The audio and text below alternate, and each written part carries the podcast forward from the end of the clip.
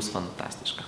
Sveiki, kurie, kurie išlaukėte, kurie nepabėgote šiais laikais, būtent aktyvios medijos laikais, kur tiek visos informacijos, kad tikrai kartais tingisi ir norisi praskrolinti toliau ir kažką naujo surasti ir pamaitinti mūsų skubančias smegenis. Tai, tai labai gerai susijęs su medijom. Tai greitai padėkoju mūsų partneriams. Ačiū gerbėjai, kad jūs esate draugė. Mr. Clay, tinkais, tinkais sienoms ir šiuo atveju drobėms. Um, Vilmerio baldai štai man puikuojasi už nugaros su gražia ryža spalvytė. Ačiū Jums, kad esate ir yra galima ant Jūsų sėdėti. ir Menlight apšvietimui, kuris gražiai apšviečia. Tai ką, viskas pristatau, kaip mėnesiukas prabėgo, ištirpo tiesiog nauja, esu tikras, įdomi tema, o jos aktualumą mes išsiaiškinsim šiandien ir pažiūrėsim, ką galima pasisemti ir kaip galima būti egoistiškiams iš tikrųjų ir panaudoti savo kūryboje ir karjeroje, kaip mes ir pažadėjome. Tai apie, kaip sakant, tik apie orą šnekėti nesinori. Tai noris iš plačiai į siaurąją, ne, kad būtų praktiška. Tai kalba, kaip skirtingos medijos, kaip tema ir šiandienos kalba, kaip skirtingos medijos įtakoja mūsų kūrybą ir karjerą. Gerbėmieji, kaip jūs laikotės, ar jūs girdite mus, ar jūs we are back, reda rašo, we are back. Uh!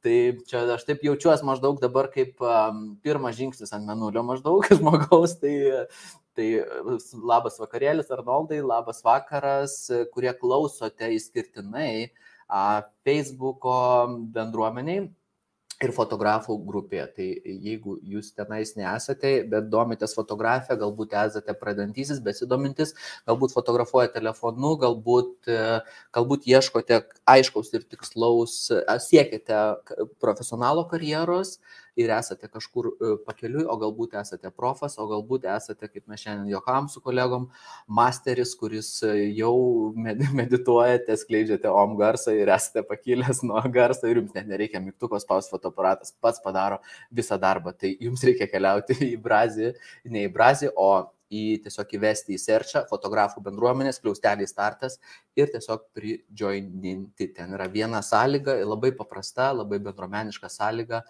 kuri klausia, ar jūs pasiruošę su kitais elgtis taip, kaip norite, kad su jumis elgtųsi. Tai aš manau, kad dėl šito problemų nekils.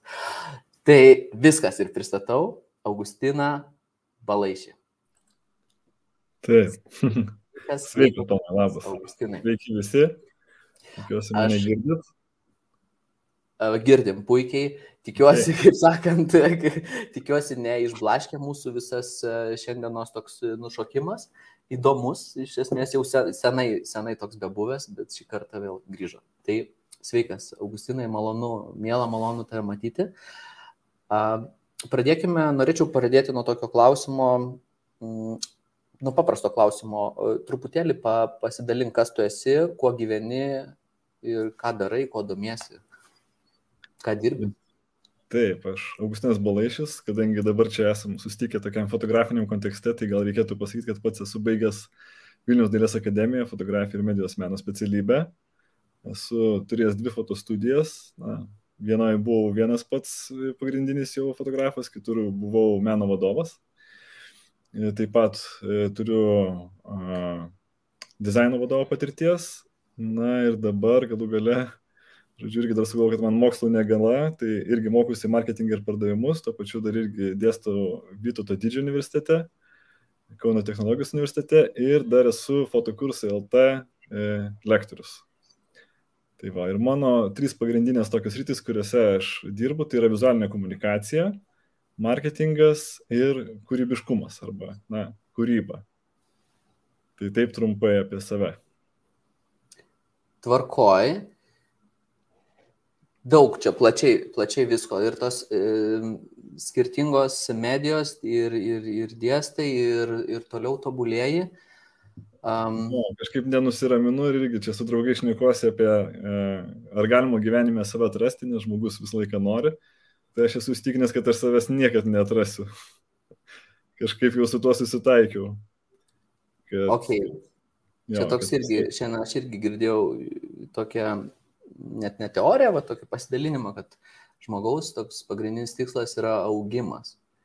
Ir, ir tikslai, e, kad fokusuotis reiktų, čia toksai pasiūlymas buvo ne į tikslus, grinai sausai, nes kai mes pasiekėm tikslą, tiesiog atsiranda, nu, kas momentinis pasitenkinimas ir viskas tiesiog tada neaišku, ką toliau daryti, bet į augimą. Kai mes fokusuojamės į augimą, natūraliai tie patys skirtingi tikslai žymiai, žymiai greičiau a, įsigyvendina ir, nu, tiesiog tai yra tokie augimo procese vykstantis, kaž, atsirandantis kažkokie laipteliai. Tai čia manau, mhm. kad kažkaip va, taip surezonavo tavo pasakymas. Norisi, norisi daugiau negu turi ir atrodo, kad jau, jau tavo pasieksi ir tada norisi dar daugiau. Tai čia ko gero ir nėra blogai, kad taip, kad taip yra, kad visą laiką norim kažko dar daugiau ir, ir pasiekti iš to.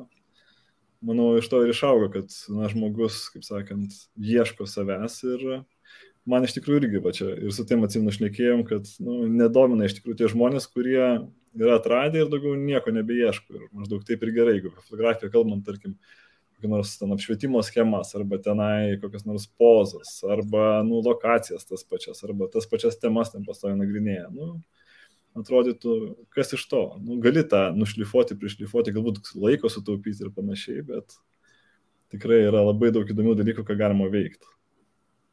Ok, labai toks net, net taip, žinai, kaip aš mąstau šiek tiek, ta prasme, kaip apie fotografą, kaip ir profesiją ir ką girdžiu, tai toks, kad, kur, ar, o vad klausimas, vat, ar, ar galima suderinti va, tokį mąstymą, ne, ir buvimą profesionalu kažkokioje srityje.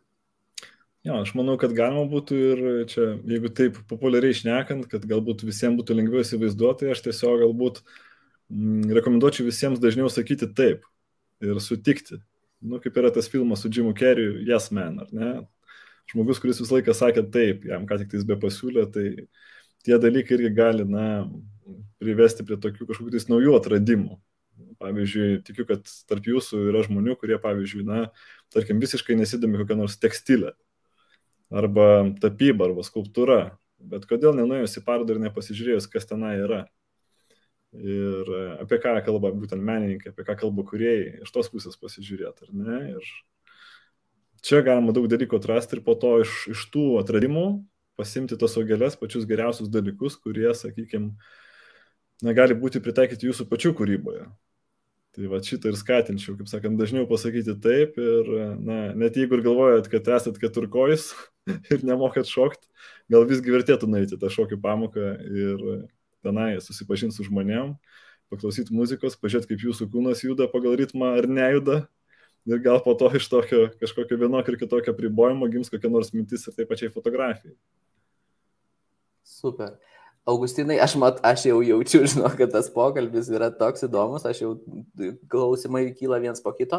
Aš prieš įsivažiuojant į, į, į visą šitą temą dar priminsiu, gerbėmėjim, mes šiandien irgi su dovanomis turim Brazį dovanų kuponą, kurį galite išnaudoti Brazį skirtingam produktam, kaip fotostudijos nuomai arba Brazį fotoskul fotografijos mokymams. Yra dvi galimybės. E, viena tai e, mažesnis šansas, dvi tai didesnis šansas. Tai viena pasidalinti mūsų pokalbiu, o kita, va dabar dar pasišėrinsiu, o kita yra pritaginti draugą komentare. Bet jeigu pažįstate uh, draugą, kuris domisi fotografija, kuris domisi kūryba, kuris domisi augimu, tai yra puikus šansas pakviesti, pasilabinti su draugu, atrasti bendrų interesų, nes kitą kartą susitikę tikrai turėsit ką aptarti, net nebejoju. Ir, ir vat, pabaigoje mes, Brazį komanda, Brazį Fotoskul komanda, komentare apdovanos vieną iš vieną laimingai žmogų. Tai kviečiu nepasidrovėti ir tai padaryti. Taip, Augustinai. Gerai, tai tas dabar, o aš man iš karto toks, žinai, įsijungia toks visas platus spektras, žinai, aha, visada sakyti jie, yes, taip sakyti, tada, aha, o kaip susidėti tą balansą, kad neįsitaškyti visur. A, tai e, pirmas klausimas tada, va tas ta mūsų tema, ne? Domėjimasis skirtingomis medijomis, kad e, auktume kaip žmonės būtent e, ir karjeroje, ir šiaip pasaulyje žiūroje. Mhm. Kažkas gali pasakyti, okei, okay, aš pasiemęs kažkokią sritį, sakykim, fotografiją, ten, sakykim, portretai. Nu, žiauriai gerai darau, varau, domiuosi tik tai fotografiniais dalykais ir, nu, kam ten man eiti kažkokią tapybos parodą, kažkokį koncertą ar dar kažką. Kaip tai ka, ka, kaip, kaip tai vyksta, va, tas, kaip tas skirtingų medijų vartojimas gali atsirasti mūsų profesijoje. Vat gal kažkaip tą connectioną galim čia sujungti. Jo, aš gal, čia aišku, galima įvairiai prieš tos temos prieiti, bet aš galbūt norėčiau pradėti, aišku, čia galima labai plačiai, bet pabandysiu gan glaustai papasakoti apie, na, kultūros svarbą. Ypatingai kultūros svarba ir ši čia mane iš tikrųjų praeitais metais turėjau Vytauto didžiojo universitete viešą paskaitą pedagogams. Ten, žodžiu, kada kvalifikacijos irgi ten kelimui ir apie kūrybinius procesus ir kaip galima tas pamokas mokyklose padaryti įdomesnės vaikams. Ir mane iš tikrųjų na, taip lengvai nustebino, kai na, buvo susirinkę tikrai apie gal virš 40 pedagogų ir iš visos Lietuvos, ten buvo ir lietuvių kalbos mokytojų, ir geografijos, ir istorijos, žodžiu, ir fizikos, nu, žodžiu, ir pradinių klasių, ir įvairiausių pedagogų. Ir aš tiesiog pradėjau paskaitą tokiu klausimu, kas yra kultūra. Va, ir, mm, bet tą klausimą dar truputėlį pakreipiau taip įdomesniu tokiu kampu, kad na, reikėtų paaiškinti, kas yra kultūra septynmečiui vaikui. Tai reiškia, negalima naudoti kažkokių tais labai sudėtingų žodžių, ar ne kažkokių tais įmantrių, ten kaip visuomenė, ar ne, kad nu, vaikas gali nesuprasti tokių dalykų, arba tenai koks nors ten paprotys, ar ten tradicijos, kur vaikas irgi gali, na, šešiametis, septynmetis, tarkim, nesuvokti. Tai va, tai galbūt reikėtų pradėti nuo kultūros paaiškinimo, kas tai yra ir, na, čia toksai diskusinis klausimas ir jeigu taip jau žiūrint, na, daug kas aišku vengia politikos, bet manau, kad kalbant apie kultūrą reikėtų politikos nevengti ir pakalbėti apie tai, kaip, žodžiu, kaip, kaip kultūra suvokia arba kultūros ministro kėdę suvokia valdžios žmonės. Tai, va, tai čia labai įdomus dalykas, kadangi jie, na, aišku, kai yra išrenkami žmonės į, į, į, į Lietuvoje, tarkim, Seimą, ten po to jau ateina pas prezidentą ir pristato būsimieji ministrai savo programas ir tada prezidentas yra patvirtina tą kandidatūrą arba ne. Žodžiu, ten ir finansų, ir nežinom, ir, ir, ir ta prasme, ten ir gynybos ir taip toliau. Ir apie kultūrą, kaip eina kalba, tai daugiau, aišku, kultūrą valdžios žmonės daugiausiai supranta kaip kažkokią, tai sakykime, na, e, tokią meno sritį, dailės, muzikos, e, žodžiu, kažkokių tais galbūt tautinių mažumų, Tai čia Lietuvoje yra kas Lenkų, Rusų, Baltarusių, Ukrainiečių, žodžiu, Totorių ir panašiai, kažkokias tai mažumas ir net ten ir, taip toliau, galbūt dar apie religiją, gal kažkas dar užkabina, na ir viskas to ir pasibaigia. Ir tada sako, kad, okei, okay, jeigu bus finansavimas kažkoks tai skirstamas, tai tarkim jau aš, jeigu būčiau ministras, tai tada labai čia skirčiau tą sakykime, finansavimo labai duočiau, nu, kaip sakant, visiems paskirstyčiau ir aukštai kultūrai, ir žem. Ir man tada klausimas yra, kas yra ta aukštoji ir žemoji kultūra. Ir įdomus dalykas tada eina toliau, kad, e, žodžiu, kultūros įtaka yra be galo didžiulė ir visiems tikrai rekomenduočiau pasidomėti, pavyzdžiui, tokiais raktažodžiais kaip cultural neuroscience, kaip social neuroscience arba social cognitive neuroscience, tai žodžiu, neuromokslo tokiais dalykais. Ir e, įdomus dalykas vyksta tada, kada na, kultūra iš tikrųjų daro labai didžiulį įtaką mūsų augimui ir mūsų pasaulyje žiūrį ir kaip mes iš vaikų išsivystom ir kaip mes matom pasaulį. Ir po to tai aišku labai duoda didžiulį įtaką mums kaip e, kuriejams, ar ne? Tai pavyzdys toksai dabar, aišku, čia skambės kaip kokia nors visiškai tokia neįtikėtina situacija, bet įsivaizduokim, kad vakarų pasaulio atstovas, o kas tai yra vakarai, tai yra, na, Europa, sakykime, Kanada, ar ne, Junktinės Amerikos valstijos, Australija, na, dar katalikiški kraštai kažkokie tais kaip iš pietų Amerikos, galbūt Pietų Afrikos Respublika, dalis Japonijos, Pietų Korejos ir panašiai. Tai va, vakarų atstovas važiuoja automobiliu, neprisisegęs, trenkėsi į kliūtį, iš, išlėkė per priekinį stiklą, verčiasi kuliais, susitrenkė galvą, išsilieja kraujas į smegenis ir kas atsitinka jam, jeigu jisai nenumiršta.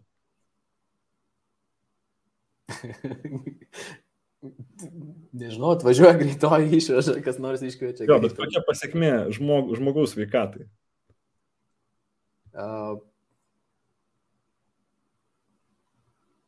nežinau, įsidėjęs smegenis, tai į reanimaciją papuola. Nu jo, bet toliau, kas, kas su jo kūnu vyksta? Tai pasakysiu, paralyžuoja kairę, kairę kūno dalį. Dalinis okay. paralyžius, ta prasme eina taip ar ne per pusę veido ir, ir ranka, koja ir panašiai. Dabar kas atsitinka, jeigu toj pačioj situacijoje papuola kinas? Ar ne? Tai rytų kultūros atstovas. irgi važiuoja didžiuliu greičiu, neprisisegęs, trenkėsi kliūtį, skrenda per priekinį stiklą, verčiasi kūliais, įsilėja e, kraujas į smegenis ir jo neparalyžuoja kairės, kairės kūno dalies. Jisai praranda kalbos dovaną. Okay. Tai, va. tai čia yra kultūros pasiekmė. Ir pasiekmė ta, ta prasme, čia irgi, sakau, dar kartą pakartosiu, kas netikit, galite irgi pasidomėti neuromokslu ir yra tikrai na, nemažai irgi mokslininkų dirba šitą linkmę, lygina tas kultūras ir būtent na, jų įtaka mūsų vystymuisi. Tai mes gimstam kažkur su 20-25, ten kitais, ką sakau, skirtingai, iki 30, sakykim, procentų smegenų masės. Ir likusią masės, da, nu, smegenų masės dalį mes prieaugame na, gyvenimo eigoje. Tai va. Ir dabar skirtumas koks, ir mes tai prisim prie tos šešiamečio, septynmečio vaiko, bet įdomumas yra tame, kad vakarų kultūroje, jeigu prisimenat savo vaikystę, tai na, mums tėvais visą laiką sakydavo, koks tu nuostabus, arba kokia tu bloga, arba kaip tu gražiai nupieši, arba kokia tu negera, kodėl ten sudaužiai podelį. Kinijoje taip nesako niekas. Ir ten daugiau sako, kad yra mūsų. Mūsų visų, žodžiu. Čia mes, o ne tu nėra tokio labai individualumo. Tai va, ir e, toliau einant, kas yra įdomu, kad netgi lyginant tas dvi skirtingas kultūras, e, vakarų kultūros žmonės turi ankstyvesnius prisiminimus negu kinai. Tai tu, Tomai, pats kada turi ankstyviausią prisiminimą apie save, kad tu kažką, va, aš esu Tomukas, man tenai X metų ir aš darau tai. Ar ką nors prisiminė apie save, ar galėtum pasidalinti su auditorija. Aš po to pasidalinsiu savo istoriją. Ankstyviausias prisiminimas. Geras klausimas, žinok. ne, nežinau, kažkur, ką, dabar taip, taip jeigu galvoju, kažkas jo, ten gal apie ketvirtus metus kažkokiu esu atsiminęs dalykų. Dabar iš esmės net gaminu va čia akimirką. Fokusas šiek mhm. tiek į, į mūsų pokalbį, tai pagalvojus, kažką prisiminčiau. Nu, vat nežinau, nu, tai net gal, gal jeigu taip, žinai, va taip dabar ten tikrai prisimenu, prisimenu kaimo kažkokius laikus pas močiutę. Mhm. E, ten, žinai, kažkas, bet jau čia... Metai, ar ne? Nu, gal čia jau daugiau žinau. Aha. Nu jo, tai aš prisimenu, man irgi keturi metai ir mane močiutė verčia skaityti. Vasara, už lango saulė šviečia, draugai nori, kad išeičiau į lauką ir aš taip nenoriu skaityti, taip nenoriu mokintis. Ir aš pykstu ant mačiutės ir, žiūriu, toks prisiminimas ir nežinau, kuris po to yra ankstyvesnis ir vėlyvesnis, man reikia ketveri metai. Yra, e, na, aš mokinuosi su savo dviratuku vairuoti ir galų gale pagaunu balansą liksvarą ir aš pajaučiu, kad aš jau pats važiuoju ir man toksai užplūsta mane adrenalinas ir džiaugsmas, kad aš galų gale važiuoju pats, be niekieno pagalbos. Tai va, o tarkim, kinai, ankstyviausi prisiminimai, kaip pas mus yra ten ketverių, ten trijų, šešerių metų, pas juos yra devynių, vienuolikos. Tai va, ir aišku, po to apie sportą šnekant, irgi kinų smegenys dirba kiek kitaip, jie daug greičiau stalo tenisą mušinėja, ne, badmintoną ir taip toliau. Tai va, tai mm, čia yra įdomus dalykas, ar ne, kaip viskas veikia, apie kultūrinį šoką galima šnekėti, bet gal čia nelabai verta apie tai. Ir dar tiesiog pabaigai noriu pasakyti apie tą šešiametį, septynmetį vaiką, apie kurį reikėtų paaiškinti, kas yra kultūra, tai ko gero geriausias pavyzdys tai yra papasakoti kažkokiu tai, na, konkrečiu atveju. Na tai pavyzdžiui, kad mes nuėjom į parduotuvę, kokį nors prekybos centrą, perkame kažkokias tai prekes, iškrauname ant to važiuojančio takelio ir, ne, ir prieinam, e, žodžiu, e, kaip sakant, nusipirkam tas prekes, susimokam pardavėjai ir mes nesideram. Prekybos centre mes nesideram. Bet nuėję į turgų, pas kažkokią ten močiutę, kur, kuri ten pardavinėja krienus arba ten kiaušinius iš kaimo. Tai sakom, jeigu aš paimsiu dvi dėžutės, ar man padarysi ten nuolaidą kokią nors ar eurą ar du nuleisi, ne? Tai čia mes deramės. Tai va, tai irgi toksai dalykas. Kodėl mes prekybos centre nesideram? Dėl to, kad tai yra, na, mūsų kultūros dalis. Taip yra įprasta. Lygiai taip pat, kaip mes einam, pavyzdžiui, ir sveikiname su draugais, ar ne, tai sveikiname, spaudžiam ranką, žiūrim į akis. Ir netaip seniai buvo toksai laikas, kada na, vyrai moteriams rankų nespausdavo. Dabar jau kažkaip pradedu matyti vis daugiau, ar ne, kad tik tai spaudžia tą ranką. Na, nu, aišku, COVID dabar ten daugiau duoda kumštį, susimuša ir taip toliau. Lygiai taip pat, pavyzdžiui, yra, na, kultūros dalis, kai mes į troleibusą, pavyzdžiui, lipame, Kaune, tarkim, per priekinės duris. Vilniui dabar tą taisyklę nuimė bet turime įlipdami parodyti ten arba žiogo ten programėlę, arba priglausti bilietą ir panašiai. Tai va, tai šitie dalykai. Ir, na, grįžtant prie smegenų veiklos ir būtent kaip tos zonos tarpusavį susijungia ir, ne, ir po tam tikros traumos e, kažkokios tai nu, nutrūksta ryšiai tarp tų zonų. Tai va, tai yra kultūros įtaka ir tai tikrai yra daug daugiau negu, sakykime, muzika, dailė, menas, ten šokiai ir kažkokie papročiai ir taip toliau. Tai va, tai tęsiant galbūt toliau tą mintį, e, kultūrą ar ne, ir pačią įtaką ir kodėl vertėtų domėtis, tai irgi, na, galbūt, kad visiems būtų lengviau toksai pavyzdys suprantamas apie, na, kur aš liktais lenkiu, ar ne, kodėl reikėtų kuo daugiau dalykų domėtis iš viso, na, bandyti būti tokių tarpdisciplininių kuriejų, tai reiškia, na, domėtis įvairiausiamis rytimis, kurios galbūt nėra visiškai susijusios su jūsų, tarkim, ar ne kūrybos rytimi, arba ten šaka, tai pavadinkim. Taip labai geras pavyzdys yra su filmais. Na, mes čia Lietuvoje esame na, labai didžiuliai Hollywoodo na, kino uh, mėgėjai. Ir jeigu pasižiūrėsit, praktiškai, na, nuėjus į tą komercinį kino teatrą, kažkokio tokio nepriklausomo kino filmo, išskyrus, aišku, festivalio metu mes nepamatysim.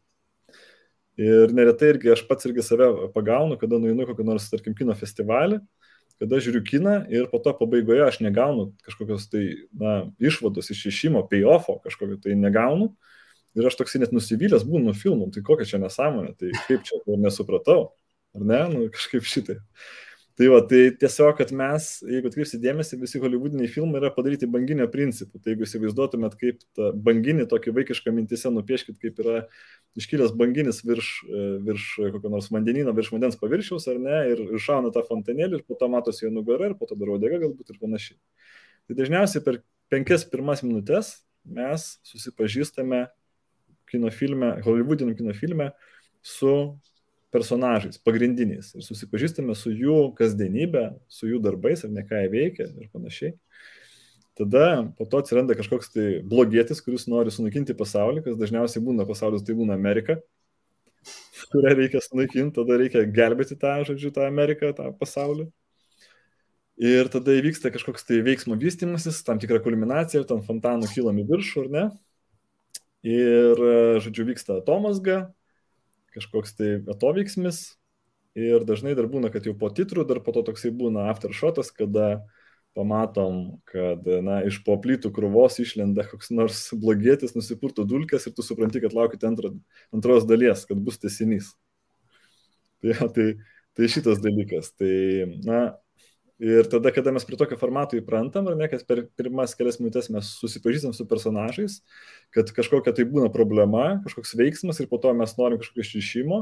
Ir praktiškai visi tokie filmai yra ir serialai to paremti ir ne, ten cliffhangerių, sakant, pakabina kažkokią veiksmo pabaigoje arba sezono pabaigoje kažkokio tai neatsakyto klaustuko ir tada mes, nu, kamuojamės ten metus. Identiškai kiekvieną kartą taip pat sudomina, ne? Ir mes jo, žinom jo, jo. modelį, Bet, kad pabaigoje įvyks kažkoks atoveiksmis ir kita serija jau už savaitę arba iš karto. Taip, bet tada atkreipti dėmesį, kaip, pavyzdžiui, koks nors Kinijos, pavyzdžiui, kin, kinas kaip vyksta, ar ne, Kinijoje kokie nors filmai apie ką vyksta. Jų dažniausia tema yra, na, sakykime, darbas ir jeigu kokia nors meilės istorija, tai, pavyzdžiui, vyksta fabrike. Nes daugelis, didžioji dalis žmonių dirba, na, fabrikuose Kinijoje ir su, su gamyba, su industrija ir panašiai. Jeigu japonų kinas, tai labai japonai mėgsta, na, tą extra slow motion, labai lėtą veiksmo vystimasi. Ir ten iš viso gali būti kažkokia tai ištrauka iš kokios nors žmogaus dienos ir nebūti nei personažų nieko, bet tiesiog projekta viena diena žmogaus gyvenime. Ir ten gali nieko neįvykti absoliučiai. Tai tas yra nuostabu, tada tu žiūri ir galvoji, wow, kaip viskas kitaip. Musulmonų kinas irgi yra be galo įdomus dėl papročių, dėl tam tikrų simbolių ir kartais, kada mes tų simbolių nežinom, ar ne, mes galim ir įžeisti kažką. Pavyzdžiui, liežuvio parodimas atvirai ir neiškišimas liežuvio, tai yra, nu, kaip lytinio organo parodimas jų kultūroje. Tai yra labai didžiulė nepagarba. Pavyzdžiui, irgi futbolininkas Messi kažkada irgi buvo liktai Saudo Arabijai galima dar tą YouTube, man rodo, klipą surasti, kaip e, žurnalistė jo klausinėja, ar ne, e, kažko klausinėja, pasako ir jisai po to galų, galia interviu nusiauna batus, pasirašo ir padoda ją ir, na, ten, žodžiu, paima tos batus su rankom ir jos akis iš, išsprogusios. Ir, žodžiu, ten yra didžiausia nepagarba su savo batu priliesti kitą žmogų. Tai čia toksai, kaip nežinau, kaip apspjauti. kitą reiškia. Ir buvo jam, nu, žodžiu, labai reikia teisintis, nes jisai nežinojo tų kultūrinių dalykų. Tai va, tai kartais irgi tas tos paieškos ar ne, būtent įkvėpimo gali būti, na, ir mūsų ir nepasiekti, ir mes jų galim nesuvokti vien dėl to, kad mes nežinom, na, tam tikrų esminių dalykų. Ir būtent, na, tai skatina ir domėtis ir žiūrėti, kaip, tarkim, mano, sakykim, kai nors fotografijos paroda arba darbai būtų suprasti, na, ne mūsų krašte, kitame krašte. Ar būtų taip pat vienodai priimti. Tai irgi įdomus toksai klausimas, kurį, ko gero, kiekvienas kuriejas turėtų užduoti. Po tai, ko išgirdom dabar, tai jau tikriausiai nekils abejonių, kad faktas, kad bus interpretuojama pagal būtent to žmogaus aplinkos suvokimą ir savęs suvokimą ir kultūrą, ir, kuri formavo jį. Bet tai be abejo, kad jo, tai iš esmės jau mūsų mąstymas, manau, visiškai kitaip. Um, apie tos dalykus mes mąstysim. Aš dar tada dar truputėlį, bet mūsų smegenys, ne? Taip. Naturaliai yra tokios, va, tingus toks dalykas ir stengiasi mūsų apsaugoti, kad nu, nereiktų per daug daryti. Um, jeigu aš ką klystų pataisyk, bet iš esmės va, tas e, visas, sakykime, filmų ar scenarijų, visas tas um, išdėstymas e, siužeto, uh, mes priprantam prie jo, ne, ir jisai, na, nu, mums tiesiog, aišku, tai yra ir truputėlį pradėm nuobodžiauti tinginiauti, nes žinom, ir kartais žinau, kas, kas atsitinka, va būtent kai esam prie to pripratę, atsiranda koks nors visiškai uh, sakykime, kiniečių, japonų ar skandinaviškas filmas ir tu žinai, kad ten jau bus, nu, visiškai nesuprasi, kas ten yra, žinai. Ja. ir kartais nesinori žiūrėti, net, va, tai va, tas yra toks dalykas, kad... Nenorim kad... prisiversti, jo, nes, nu, čia kažkaip bus, čia sudėtinga ir aš taip nepratęs. Aha, toks, toks, toks jausmas, kad kainuos energijos tau vat, pažiūrėti šitą reikalą. Taip, taip, nes jau ne, nebe popkornas. ok, tai, tai, tai, tai gerai, nu, vat, tai tas, ok, nu, nes iš esmės, iš esmės reiks šiek tiek daugiau energijos, nes tau nauja bus. Tai, mm, sakykime, jeigu mes, par, nu, aš toks praktiškas dar pabūsiu. Tai taip ir susitarėm, kad tu taip išplate, išplačiai, o aš taip ir siaurai spausiu. Gerai, gerai, pabandom. E, geras tandemas. Tai aš visiškai toks praktiškas pabūsiu. Nu tai ok, sakykime, aš Lietuvos rinkoje čia kažką darau, ne gerai, ne, neblogai darau, dar gal sėkiu ten karjeros, dar žinai. Ir ok, nu tai aš netikrai gal nesiuošiu dabar važiuoti į pasaulį, žinai, ir daryti kažko ir domėtis, kaip, kaip kad ten pristatyti, žinai, ir kad, nu, ne, neparodyti kažkaip iš priešingos pusės.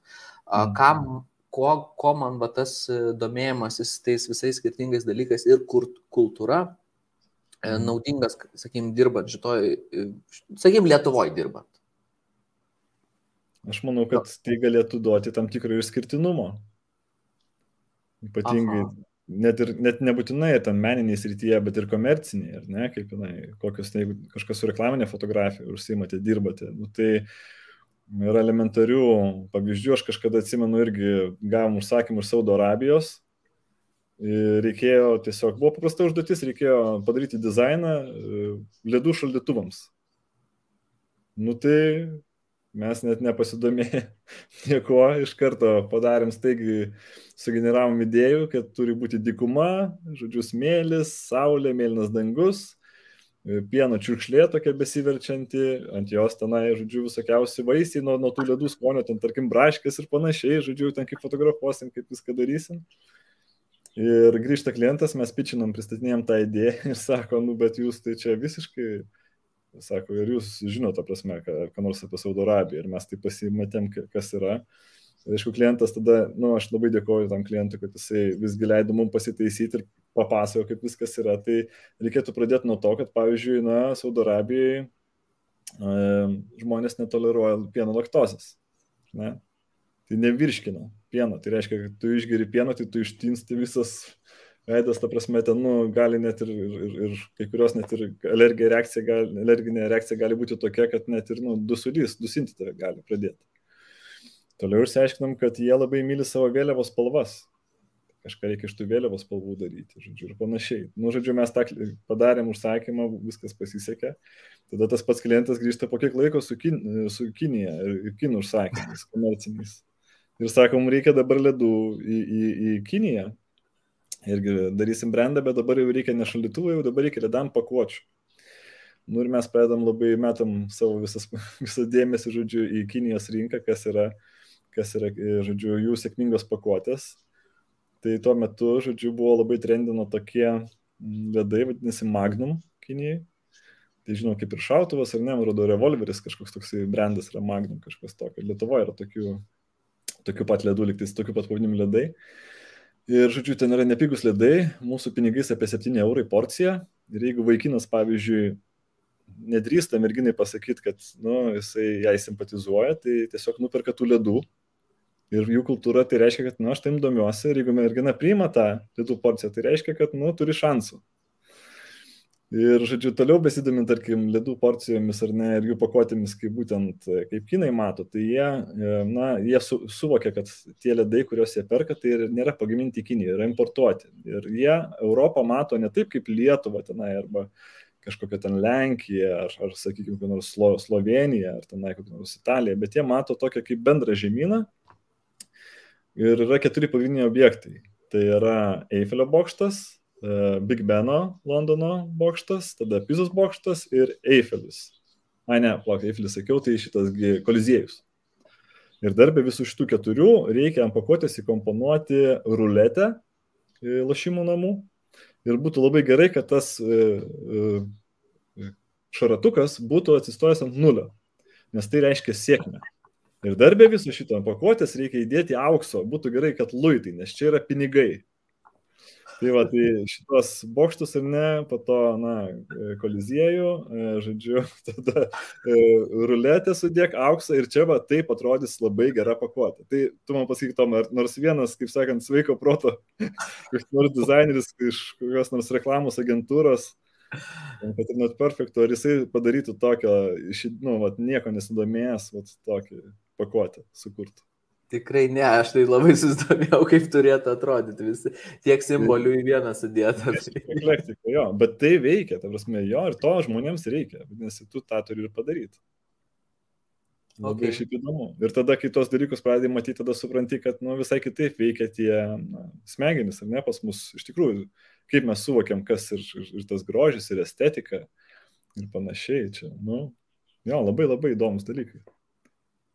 Okay aš besiklausant vat, apie, e, vat, ką pasakoju, iš esmės, e, ką aš irgi pastaruoju metu kažkaip taip pasiekė mane tokios žinutės, arba aš taip jas interpretuoju, gal labiau dėl to viso skirtingumo naudą visam, nu, vystimusi. Paimkim, sakykime, mes, vat, ką, apie ką kalbam, visą Lietuvos fotoindustriją, ne, ir jos santyki pasaulio kontekste konkurencingumą, ne, paimkim tą mm. patį, kad, kad turėtų užsakymus fotografinius iš, nežinau, iš viso pasaulio.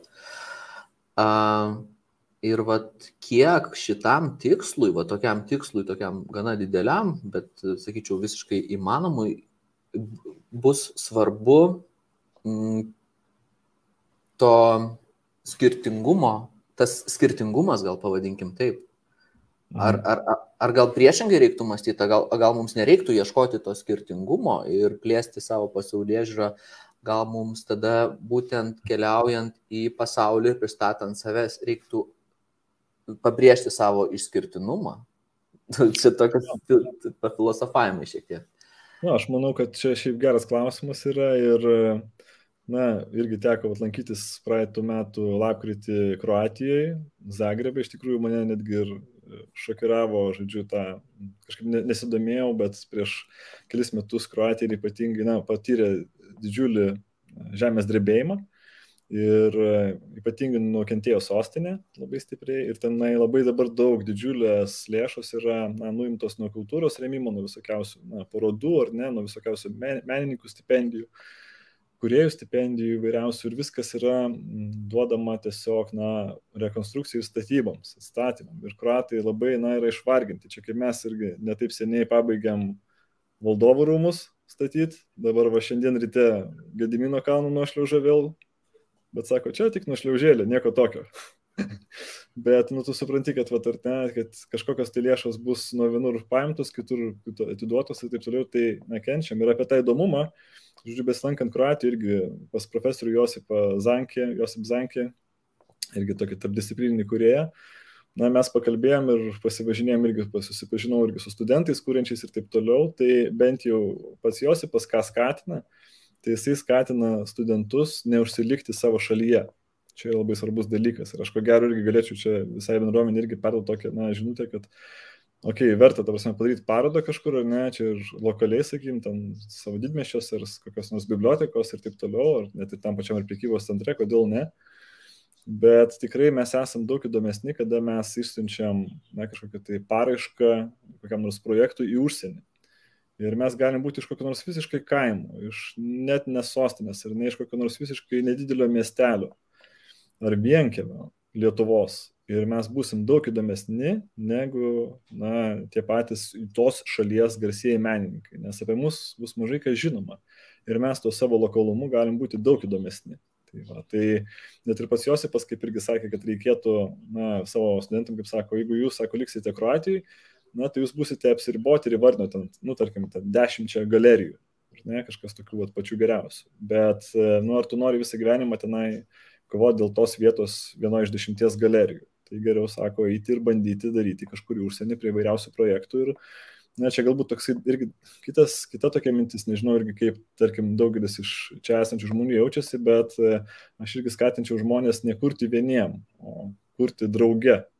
Ir pabandyti, ar ne, su kitais padirbėti. Tas irgi gali duoti labai daug įdomių dalykų. Jeigu nepasiseks, na, tai bent būsite pabandę bet išsiaiškinsite, ar ne, kokie būna kiti žmonės, kokiose vietose jie labiausiai tenai, na, straglina, kas jiems nesigauna, nesiseka. Gal netgi ir savo tos socialinius įgūdžius pagerinsit ir panašiai. Tai tas irgi gali, na, be galo padėti. Ir yra tikrai labai daug įvairiausių projektų ir įvairiausių, tarkim, na, ir parodų arba festivalių, kurie, tarkim, negali jums pasiūlyti honoraro, bet gali pasiūlyti, na, nakvynę Negali pasiūlyti nakvynės, bet gali sumokėti už jūsų skrydį. Negali pasiūlyti skrydžio nei honoraro, bet gali pasakyti, kad, nu, vakarienė tai tikrai pavaišins. Tai va, bet, bet kokiu atveju, ne, kad ta nauda finansinė kažkokia tai gali būti ir minimali, bet visa tai, na, rezultate susiveda, kad jūs gausite vienokią ir kitokią patirtį. Ir tai yra, na, kas yra, ko gero, didžiausia dovana. Ok, fainai. Nes iš tikrųjų kyla tokių visų minčių tada dėl būtent bendradarbiavimo su kitomis šalimis, ne, ir be, be, be kažkokių mainų programų šitose srityse, kad mes galbūt net vėlgi tie patys pokalbiai galėtų vykti su užsienio fotografais ir, ir, ir mes galėtume diskutuoti tas temas, kurios mums gal visiškai apie kurias niekada nepagalvojom ir tos dalykus paliesti. Super, tai labai, labai fainų minčių kyla. Dėkui, Augustinai. Aš e, gerbėmieji žiūrovai primenu, kad galite dalintis ir pritaginti draugą. Komentare pabaigoje mes padovanosime 50 eurų Brazį dovanų kuponą, kur galėsit su juo daryti, ką nori. Brazį studija, Brazį fotoskul mokymai, kaip jūs nuspręsite. Ir jau norėčiau tame tarpe paraginti, kad e, prisijungtumėt prie pokalbio su Augustinu ir, ir, ir pasidalintumėte ar su kokiam savo išvalgom, būtent kurias e, suvokimai, jeigu atkeliauja e, būtent pokalbio metu, arba klausimais. Arba ir to, ir to. Gerai? Tai kartu, kaip sakant, kviečiu prisijungti, to aš užleidžiu vat, irgi priminimą, kalbinkime šio vakaro pašnekovą, pašnekovą drauge. Tai važiuojam toliau. Gerai. Taip, tai dabar gerai, tai dabar kažkoks žmogus, ne, fotografas, jis sakytų, Augustinai, fainai kalbi, gana aukštos materijos, nuo ko man pradėti? Nuo paprastų dalykų, tai galima netgi ir nuo to paties filmo, kas visai nesudėtinga, ar ne? Pasimti mhm. kažkokį tokį filmą, kuris būtų, na, ne Hollywoodo produkcijos. Netgi, pavyzdžiui, irgi toksai paprastas dalykas, e, labai geras dalykas yra pasižiūrėti kokį nors venezuelietišką arba indišką serialą. Nu, nuostabus dalykas. Ta prasme, kad tiek fotografinė, tiek kinematografinė prasme, jeigu atkreipsite dėmesį, kaip jie kalba jausmais ar ne, ir kaip tenai gerai yra išdirbtas, tarkim, stambus planas ir stambaus plano, na, jie žongliruoja stambiais planais, ypatingai tokiai makro detalėmis ir per tai puikiai perteikia jausmus ir emocijas. Tai pavyzdys ar ne, kad e, jeigu mes įsivaizduojam, kad jeigu mes norim kažkaip tais na, padaryti, kad mūsų žiūrovui suvirpėtų širdelė, ar ne, kad sudrebėtų. Ir jeigu mes rodysim tą kokį nors, tarkim, verkiantį žmogų tolumoje, tokį visiškai mažiuką, tai mūsų, nieks, mūsų žiūrovas nebus taip paveiktas, negu rodyti visiškai stambių planų ir iš arti. Tai, va, tai šitas dalykas irgi, ne? Tai pavyzdžiui, okei, okay, ten gali būti visiškai kokia nors nesąmoninga istorija, kontekstas ir taip toliau, bet pavyzdžiui, sakau, to žongliravimas stambiais ir, ir, ir, ir, ir, ir detalių planais, tai tikrai galima iš to pasimokinti.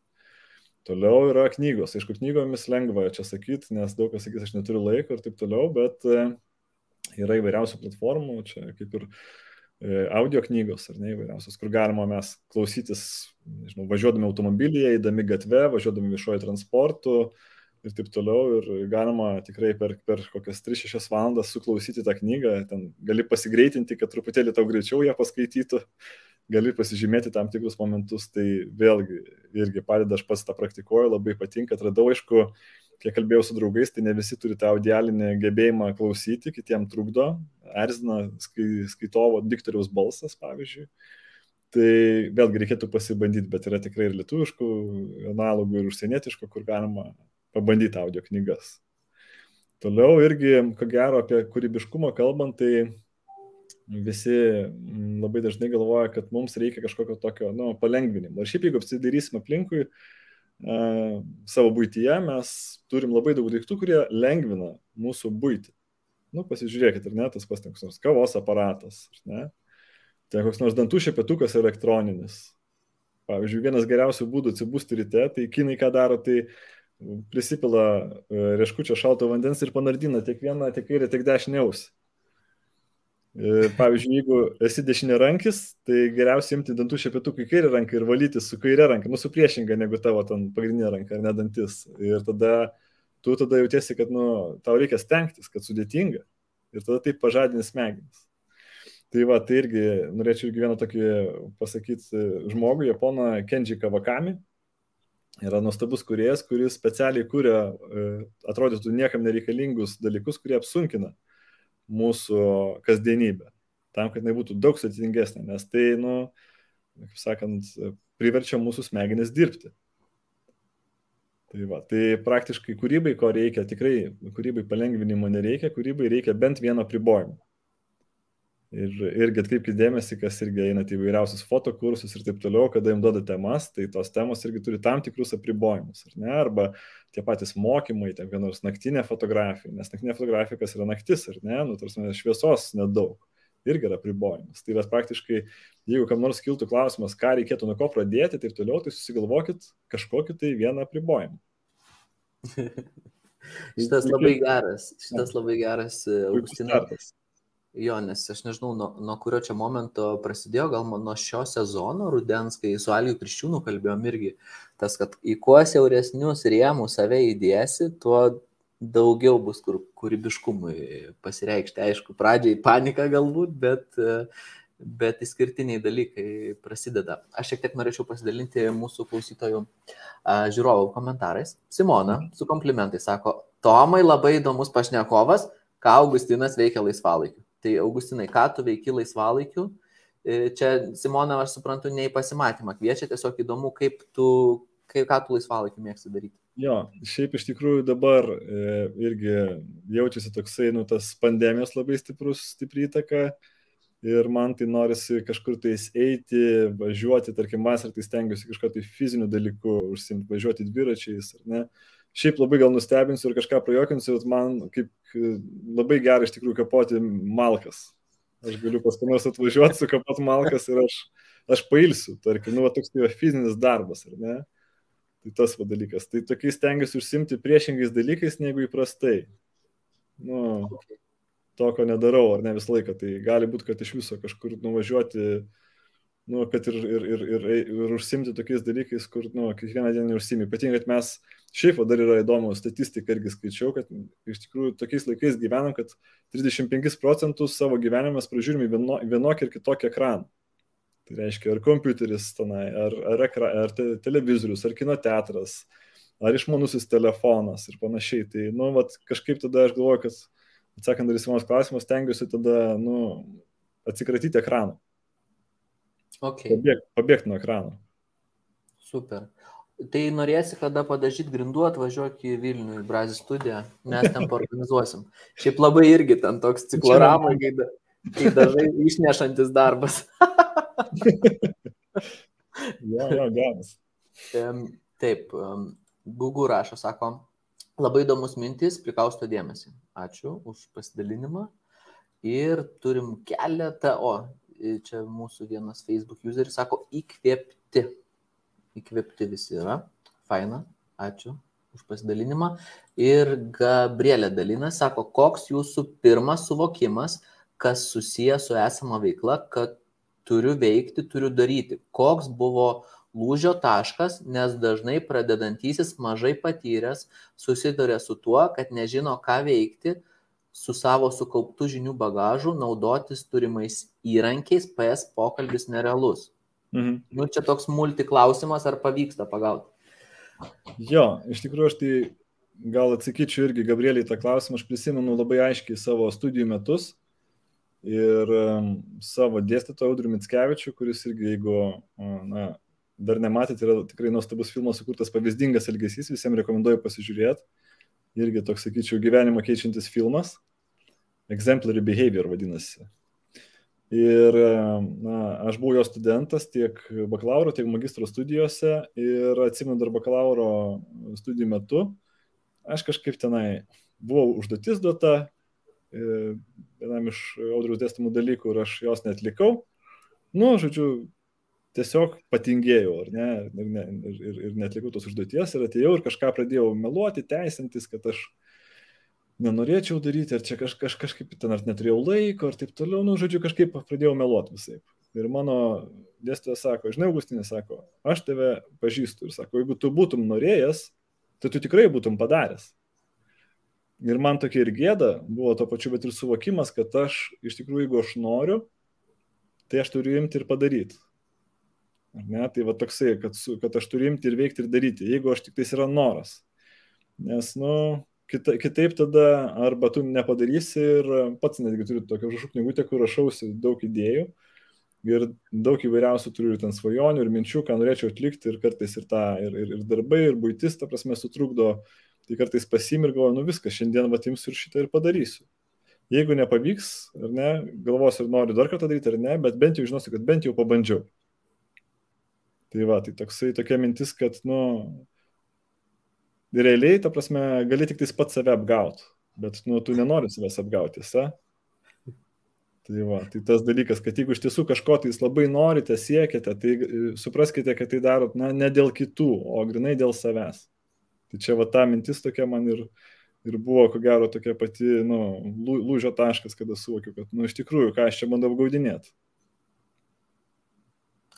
nes niekam nieko iš tikrųjų nereikia įrodyti, tik tai savo, ne? Taip, nu, taip.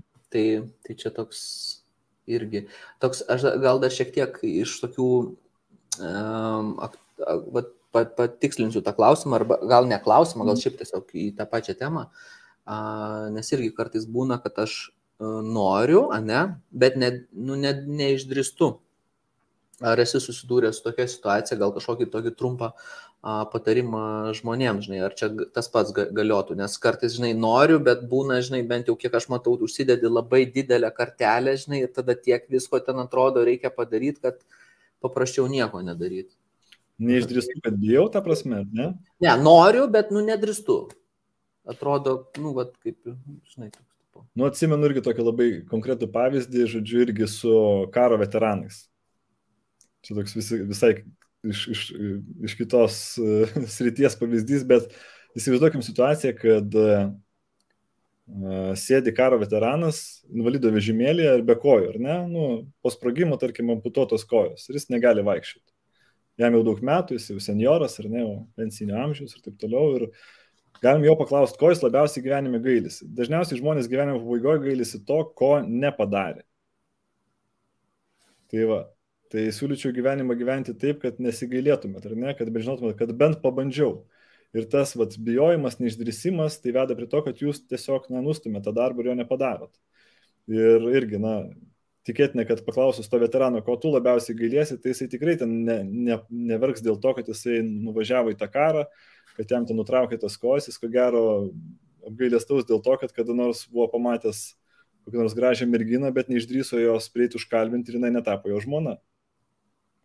Tai čia tas dalykas, ar ne? Tai vat, vėlgi apie save pagalvokit. Na, mes vis tiek į save labai daug iš tiesų investuojam, ar pagalvojat mes. Ir, ir rūbus gražius perkam, ir, ir daiktus gražius, ir į keliones vežam į save, ir maistą perkam skanų ir taip toliau.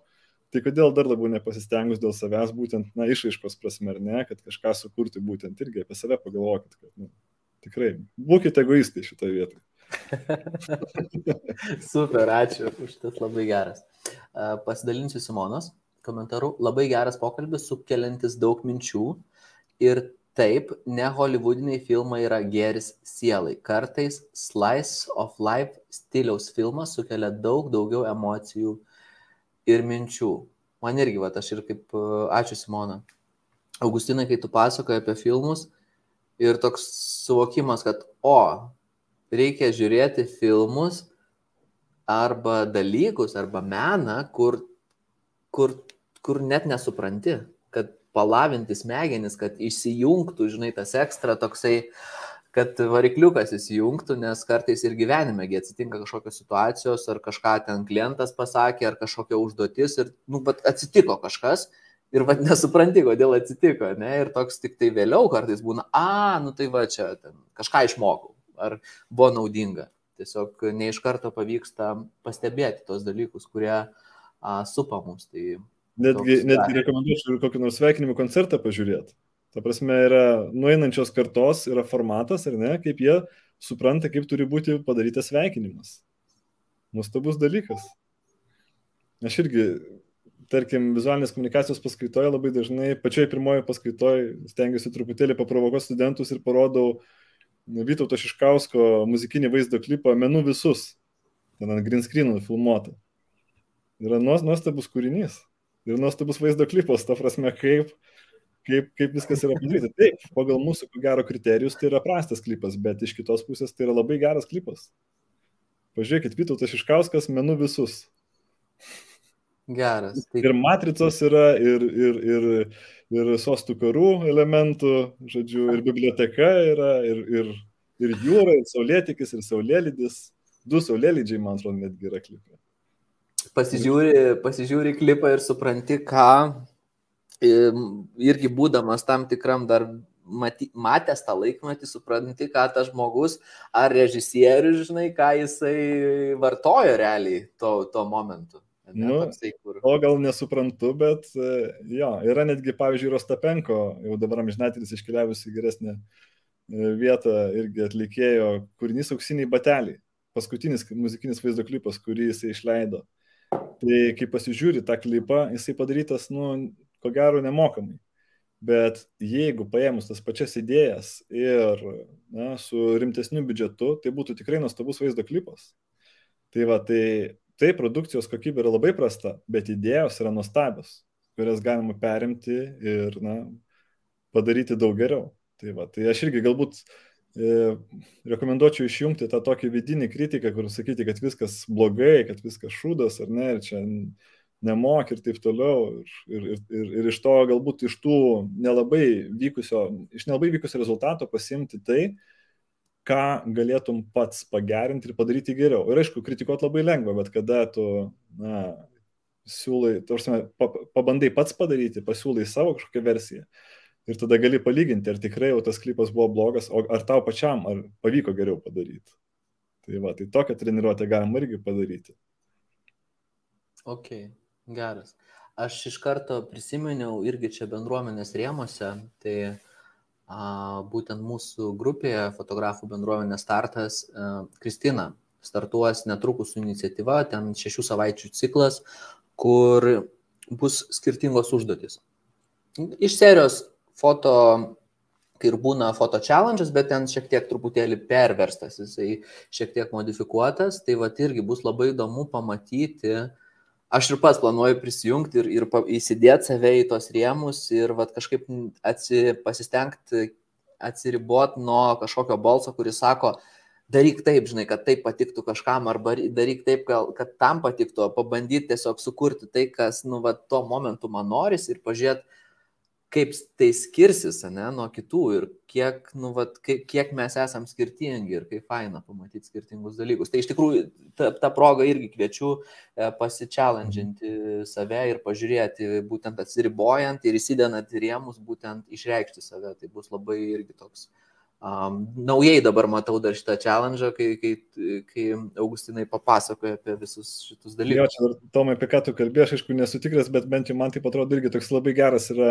smegenų kūrybinis žaidimas, yra, na, ten keli objektai, bet pavyzdžiui, yra kastuvas, ar ne, kaip daiktas. Ką tu gali nuveikti su kastuvu? Nu, tai dažniausiai pirma mintis yra, kad ten, kad nors užmušti, duoti per galvą ir užmušti. Tada, kad gali kasti, ar ne, su kastuvu. Ir akivaizdžiai, akivaizdus tokie atsiranda, žodžiu, atsakymai. Bet realiai su kastuvu galima nuveikti be galo daug. Ir per 20 minučių iš tikrųjų realu sugalvoti apie 300 variantų, ką galima nuveikti su kastuvu. Jeigu turit jaunų giminaičių, jaunas giminaitis tai na, vaikas iki 8 metų, iki 11, pabandykit su jais pabendrauti ir pamatysit, kaip vaiko smegenis veikia ir kaip jie prigalvoja įvairiausių dalykų, ką, galima nuveikti su kastuvu. Pavyzdžiui, jeigu aš dirbu laukia ir kasu bulves, ar ne, ir laikas pietums, aš galiu pamojuoti su kastu, kad tai ateikit visi pietus jau, ar ne, aikšė. Taip pat, jeigu kažko, tarkim, na, iš kastuvo realiai gali pasidaryti kokį nors ir peilį, stalo įrankius. Ne, galima taip. Iš kastuvo galima, na, iš bėdos naudoti ir vietų irklo. Įvairiausių dalykų. Tai vad, ką galima nuveikti su kastu? Praktiškai, na, bet ką. Puikiai treniruoti ir čia Ir jeigu kas nors domitės būtent tais dalykais ir smegenų tokia mankšta treniruotė, tai galite irgi pasieškoti raktažodžių convergent thinking arba divergent thinking. Tai, va, tai tas išplėstinis toksai mąstymas ir po to koncentruotas. Ir ko gero mhm. irgi galvojant tas pačias fotografinės idėjas, reikėtų galvoti tokių, na, tokių, vengti mainstreaminių, tokių savaime suvokiamų krypčių, ar ne, kad savaime, nu, ateinančių atsakymų. Tai va tokių reikėtų dalykų vengti pagalvoti, kaip galima na, ieškoti tokio išskirtinumo ir, ir kitoniškumo. Geras. Ir nei viena iš tų idėjų nebus nei geresnė, nei blogesnė iš esmės. Tai... nu, Visai gali būti, jo.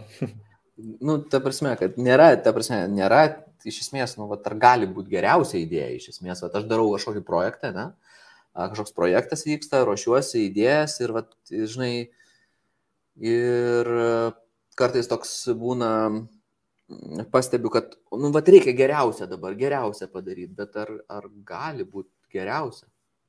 Kaip tu manai? Jo, čia kaip ir koks nors tapytojas turi savo pasakyti, kada reikia imti ir sustoti tą paveikslą ir kada pabaigti.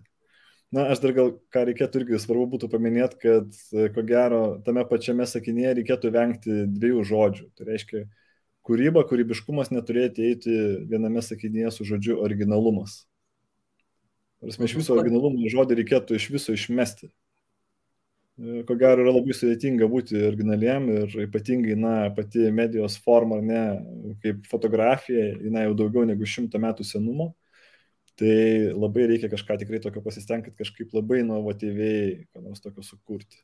Tai, va, tai tuos dalykus apie originalumą reikėtų iš vis pamiršti geriau, na, domėkitės kūrybiškumu, originalumą palikit na, tiem, kurie galbūt. Ko, o tai, aš truputėlį paprašysiu patikslinti, originalumas, ko, ko, ko, kokią jisai prasme transliuoja, kad jį reiktų atsisakyti?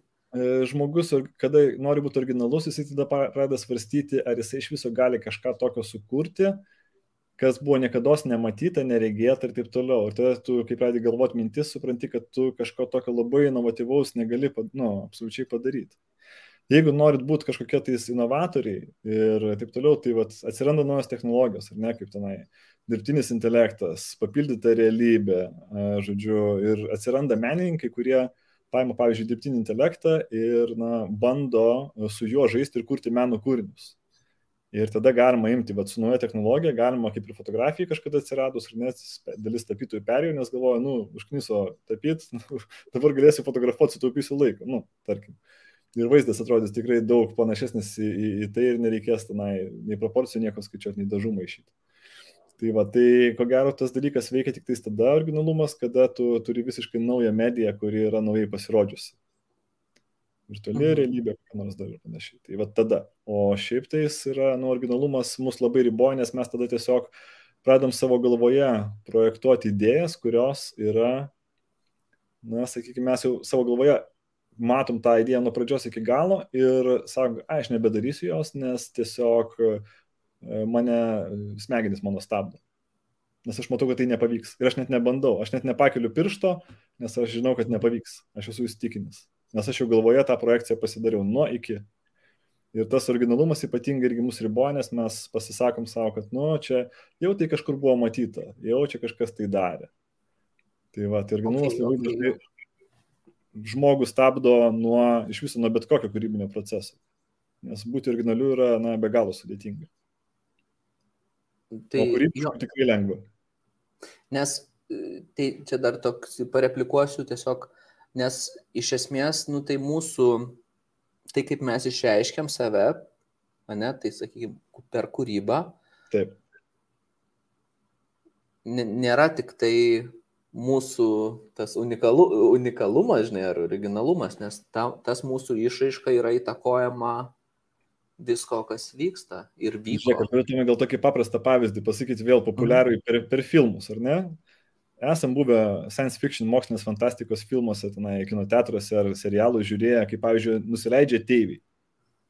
Ar atsimenat kokį nors ateivį, kuris, pavyzdžiui, neturėtų tenai dviejų kojų, akių, dantų, čiuptuvų, aštunkojo ten ir panašiai. Vis tiek, ta prasme, žmogaus sąmonė, kurdama ateivio atvaizdą, vis tiek kažką paima iš mūsų Žemės, iš planetos. Ir kažkaip sumiksuoja, ar nesukonstruoja tą ateivį, kuris yra vis tiek yra tarsi kažkur matytos tam tikros dalis ir gazdinančios. Ok. Aš truputėlį pasidalinsiu. Ačiū Augustinai, nes va čia mūsų klausytojai sako mintis apie originalą, man tiesiog pramušė smegenis. Nerealiai, aš tikiuosi, kad neišprotėsim šiandien, žinai, gerąją prasme, bet gal išprotėsim gerąją prasme. Um, taip, dėkoja už, už tokį live, ačiū labai. Robi sako, labai įdomus išskirtinis pokalbis, ačiū Robi ir Facebook'o grupiai Kristina, kiek suprantu, tikriausiai sako, jau ruošiu tą visą e, challenge, tai labai smagu, Kristina, labai laukiam. Ir dar vienas sako, ačiū iš įkvė, tokį įkvepiantį pokalbį. Taip, ir dar pasidalinsiu vienu, ai tiesa, Rūta buvau pasidalinęs, ačiū Rūta už komplimentus. Ir Robertas sako, Jūsų pokalbis sukėlė tikrai daug minčių, galvoju, ar dažnai skiriame laiko savo kūrybai, ar rūpešiai, ar galvoju, ar dažnai skiriame laiko savo kūrybai, ar rūpešiai problemoms ir nuolatinis galvojimas apie rytojus dieną neužgožia tikrosios kūrybos ir to, kas būdinga tik jums, tik, tik mums kaip kuriems. Pataisysiu galą. Mhm. Vat geras tas būtiškumas, o ne ir kūryba. Koks tas santykis? Jo, ko gero, ten neplauti indai, žodžiu, nesuptos grindis, gali iš tiesų, jo, gali mūsų užgošti ir aš galbūt pasakysiu pavyzdį iš savo draugo, kuris tarnauja Lietuvos kariuomeniai ir tokį tiesiog prisimenu nutikimą, kada mes kažkada su juo vakare vėlai važiavom ir jisai prie automobilio prisijungęs buvo savo telefoną ir jam ant ekrano automobilį išmetė priminimą, nu, kalendoriaus, kad laikas maudytis, Ir aš galvoju, o čia, o buvo sekmanio vakaras. Ir jau gana vėlai važiavam. Ir jis jau, nu, maždaug priminimas, kad eik išsimaudyk. Ir sakau, kaip čia yra. Nu, tai sako, aš pasidaręs toliau. Tokius priminimus tiesiog. Ir po to praeina gal 20 minučių, iššoko kitas priminimas ir, ir buvo parašyta uh, pusvalandis su knyga. Tai ta prasme, kad jisai užsimaudė ir jisai jau, vat, kaip, nu, va, tokio labai uh, susidėlioja savo tvarkaraštį, kad jisai galėtų imti ir paskaityti pusvalandį tą knygą. Tai aš manau, kad irgi ta būtis tokia irgi turėtų mus, na, na, aišku, įma kartais viršų, bet reikia galbūt tiesiog, na, pragmatiškai paimti ir įsidėti kažkokį tai kalendorių savo priminimą, kad aš dabar, vat, valandą imsiu ir skirsiu savo kūrybai, ar ne, vat, pavyzdžiui, kažkokią tai dieną savaitėje. Ir daugiau nieko kito nedarysiu, neprokrastinuosiu, nenukelinėsiu, žodžiu, neskrolinsiu, žodžiu, bet užsimsiu ir, vat, imsiu ir padarysiu kažką tais. Tai va toksai disciplinos galbūt atsiradimas, uh, tam tikras irgi kai kuriem žmonėm gali būti kaip puikiai išeitis. Čia tu labai, žinau, gerą mintį ir aš toks sakau, wow, taip, žinai, um, tai kilo dar klausimų paklausiu, bet tas dalykas, kad pastebiu tikrai, kad žmonės neretai, tikrai dažnai visą tą kūrybiškumą, va, tą laiką, kai jie jaučiasi įkvėpti, kai jie atsiveria čakros kažką daryti, nesvarbu ką, jie palieka paskutiniai vietai. Nes yra ten krūva ne, neplautų indų, yra vaikai, yra vyras, yra dar kažkas. Vienu žodžiu, nesibaigiantis sąrašas kažko ir, ir tada jie, nu, net mes pasakysiu, laukiam ane to momento, kada viskas pasibaigs ir bus laisvas laikas kūrybai. Augustinas juokiasi. Tai va čia buvo gerai. Gali negreit. gali negreit atsirasti, ne ir tada tik pyktis ant savęs gali pradėti. Pasiskirskit, pasiskirkit laisvą. Nu, tai yra specifinį laiką kūrybai, yeah. galbūt Ir dar geriausia mano patarimas - sistemingai, ritmingai, kas kažkiek ne per daug. Nereikia perspausti, pradžioje pradėkit nuo mažai, galbūt kas savaitę po valandą pasiskirkit ir tai jau bus labai labai labai gerai. Galima ir mažai žingsniukais iš viso, pavyzdžiui, ten kokį skirti 15 minučių idėjų generavimui ir viskas. Ir kad truks prieš turėsit kokias nors 3 arba 5 įdomias temas, kuriomis galėtumėte, na, užsimti savo kūrybą. Tai va, čia man atrodo tai, ką mes tikrai galim, nu, va, iš tos struktūrinės ir kūrybinės pusės a, jau, kaip sakant, pasinaudoti labai labai labai va čia akimirką. A, ir, o kitas dalykas, kaip tu žiūri, a, aš vis kars nuo karto užsimenu mūsų live laidose ir šiek tiek paklibinu tą temą, a, visą kūrybą ir struktūrą. Ne, nes kartais a, gal dar nu, pas kai kuriuos yra likęs toks, nu, bet, bet panagrinėkim. Yra toks mąstymas, kad, nu, bet kūryba, kūryba turi būti nestruktūruota. Tai, nu, vienu žodžiu, kai kas ateis, tas bus, žinai, vienu žodžiu, jokių rėmų. Kaip tu šitą dalyką, kaip tu šitą vertini dalyką? Jo, aš irgi turiu draugų menininkų, tokių su visa pagarba, kurie, pavyzdžiui, gyvena kur nors senamestyje, atsikelia ryte, pasidaro kavos, atsistoja prieš langą, žiūri ten kokio nors senamestčio peizažą, į čerpinius stogus ir, žodžiu, ir tada laukia, kol atskris tą mūzą ir sugros su arfa ir, žodžiu, ir gimstos idėjos. Žodžiu. Ir kaip jiems sekasi? Būna, kad tikrai sulaukia, bet kartais būna, kad nu, niekas neatskrenda ir tada arba ten bloga nuotaika ir taip toliau. Ir nu, šiaip, jeigu atkreipsi dėmesį, mes labai esame įtakojami, na, įvairiausių, ta prasme, ir žmonių, kurie mūsų supa, ir oro, ar ne, ir kažkokių tais, na, gali būti ir kokio nors ir muzikos, pavyzdžiui. Tai siūlyčiau irgi atrasti kažkokią tai muziką, aplinką, kurie galėtume atidirbti ir taip toliau, bet aš tai galvoju, kad kūrybai tai, na, reikėtų irgi galbūt pažiūrėti taip irgi pakankamai tiesmukai ir tiesiog, na, ateiti kaip į darbą ir sakyti viskas, aš dabar imu ir darau, nes, na, nu, kaip pasakyti, tikrai už, už viso to, na, gerai, galbūt verta būtų apie tai paminėti, kad daugelis menininkų arba kuriejų vien dėl to, kad sukurti didesnį vertę savo darbams, jie mėgsta papasakoti kažkokias tai išskirtinės istorijas, kaip jie kūrė, kaip jie darė ir, žodžiu, kaip atėjo iki to kūrybinio taško ir kaip kankinosi galvodami ir kurdami. Bet iš tiesų, na, už viso to slypi tikrai labai labai daug, daug valandų darbo tokio juodo, nu, kaip sakant, juodo darbo, daug prakaito ir daug suklydimo, ko reikėtų irgi nepamiršti pasakyti, kad labai svarbu išmokti klysti ir, ir atrasti tuos kelius, kurie neveikia ir tikrai siekti tos svajonės. Tai tikrai reikėtų na, nelaukti to idealaus momento, žodžiu, 12 valandos, ar kaip čia, mačiau, geležinė lapė, kur juokiasi, kad jeigu šiemet praleido 2022 metų vasario 22 dieną, 22 val. ir 22 minutę ir 22 sekundę susitokti, tai kitas kartas bus tik 3033 metais. Na, tai va, tai čia tausime, kad tikrai, tikrai neverta ir uh, imkite, darykite, žiūrėkite. Ir, uh, jo, labai svarbu irgi surasti tos žmonės, kurie uh, turėtų jūs supti aplink. Tai irgi uh, esu skaitęs vieną knygą apie kūrybiškumą, tai žmogus kiekvienas turėtų turėti bent jau keturis skirtingus žmonės savo aplinkoje. Tai vienas iš jų turėtų būti mokytojas, kuris patartų, ne, kuris žinotų ir, ir pamokytų.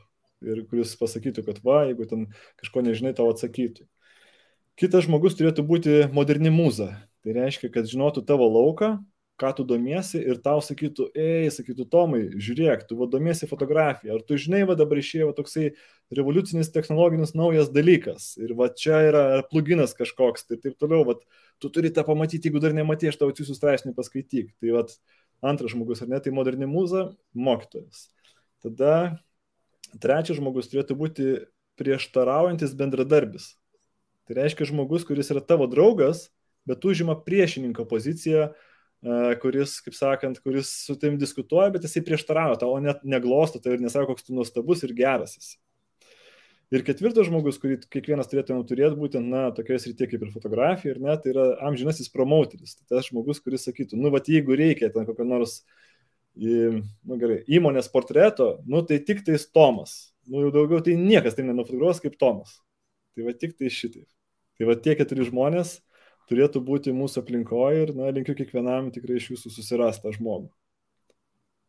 Geras. O tu turi? Ne visus. Ok, gerai. A, tai aš dar noriu pasidalinti, Augustinai. E, tiesa, aš dabar tik žiūriu jau valandėlę su viršum, mes šnekamės. Tai viską, žinokit, keliavam po truputėlį į pabaigą. Tai aš pasidalinu uh, visais, pažiūrėsiu, gal dar kažkoks klausimas ir jau po truputėlį uždarysim šio vakaro pokalbį. Tai dar puikus laikas pasidalinti mūsų pokalbiu arba pritaginti draugą, nes pabaigoje mes padovanosim Brazį 50 eurų dovanų kuponą. Tai taip, tai Jolanda sako, išmokau atidėti namų ruošos darbus tam, kad galėčiau daryti tai, ką mėgstu. Super pokalbis, reikia išmokti išeiti iš komforto zonos.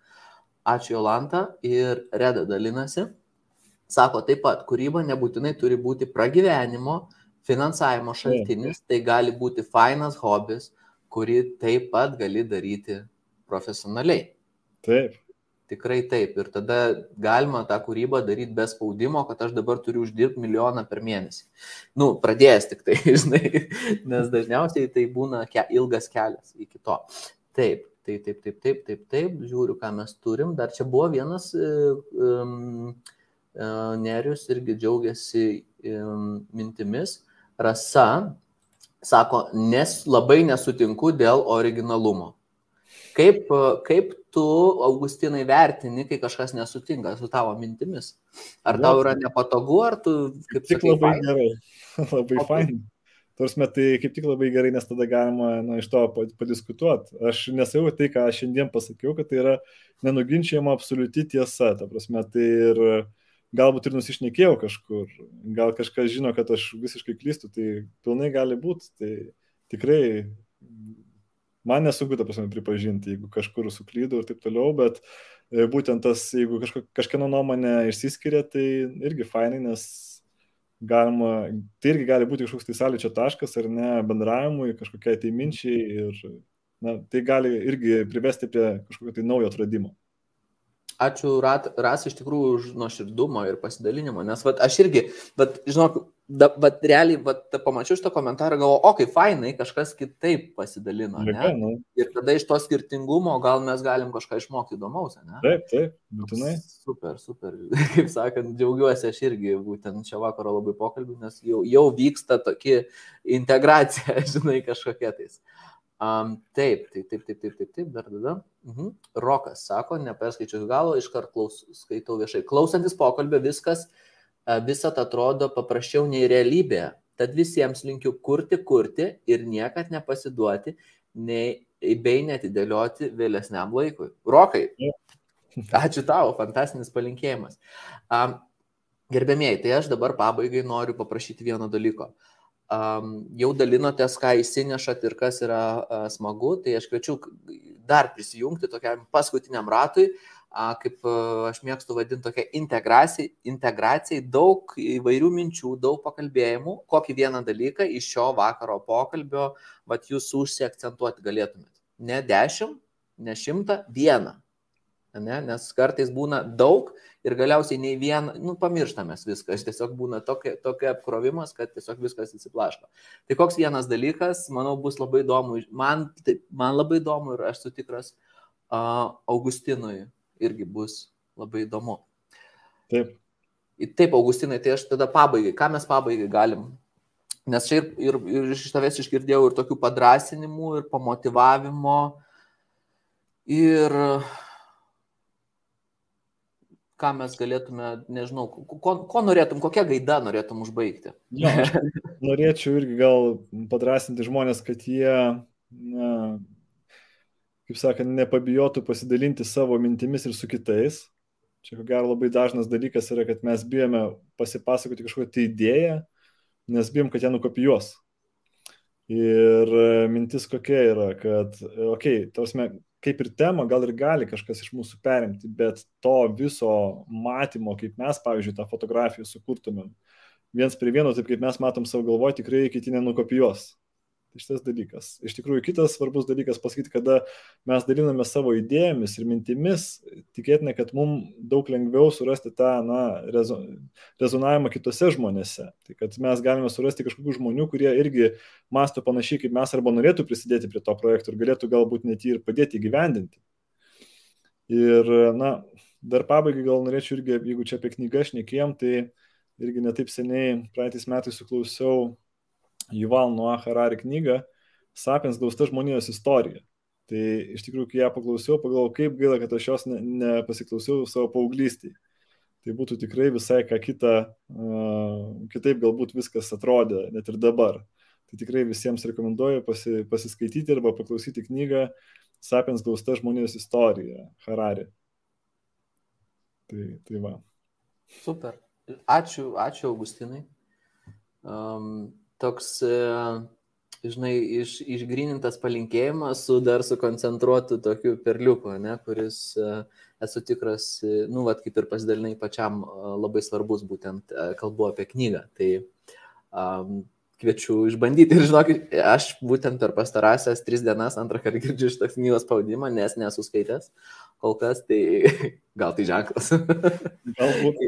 Galbūt. Ir dalinuosi dar kartelį tada dar, dar visokiais būtent pastebėjimais, ką žmonės įneša. Jolanda sako, pasidomėti tuo, kas atrodo nesuvokiama, kas niekada nepatiko, pažiūrėti filmus, kurių niekada nežiūrėjo keliauti ir pamatyti kitokią kultūrą žmonės.